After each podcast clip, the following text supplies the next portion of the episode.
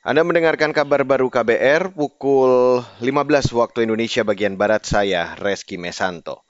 Saudara Kementerian Pertanian menyebut sebanyak 800 ribu dosis vaksin impor untuk hewan ternak sudah tiba di Indonesia.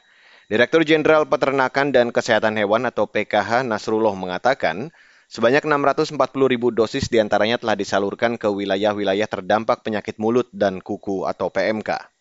Uh, eh, ini juga di provinsi telah melakukan distribusi dan jumlah vaksin yang telah divaksin per jam 10 tadi karena datanya ini terus bergerak Pak setiap menit adalah 65.919 uh, dosis yang telah divaksin per pagi ini jam 10 tadi.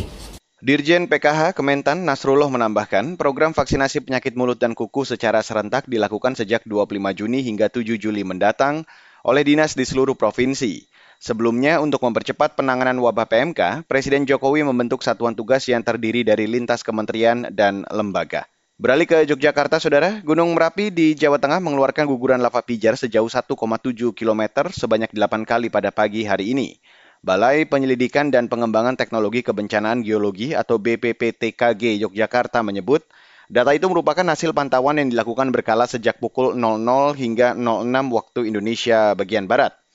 Kepala BPPTKG Agus Budi mengatakan asap kawah bertekanan lemah teramati berwarna putih dengan intensitas sedang hingga tebal dan tinggi 20 hingga 80 meter di atas puncak kawah.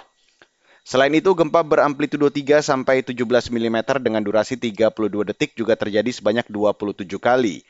Hingga saat ini, status Merapi masih berada pada level 3 atau siaga dengan potensi bahaya berupa guguran lava dan awan panas pada sektor selatan hingga barat daya meliputi Sungai Boyong, Sungai Bedok, Krasak, dan Bebeng. Pada sektor tenggara meliputi Sungai Woro dan Sungai Gendol. Saudara, Kedutaan Besar Indonesia untuk Sri Lanka meminta warga negara Indonesia atau WNI yang berada di sana menyiapkan cadangan pangan berupa beras dan kebutuhan pokok lain. Duta Besar RI untuk Sri Lanka, Dewi Gustina Tobing mengatakan, Kedutaan telah menyiapkan sembako bagi WNI yang membutuhkan. Hal ini dilakukan karena di beberapa kota sudah ada pembatasan pembelian sembako akibat krisis ekonomi.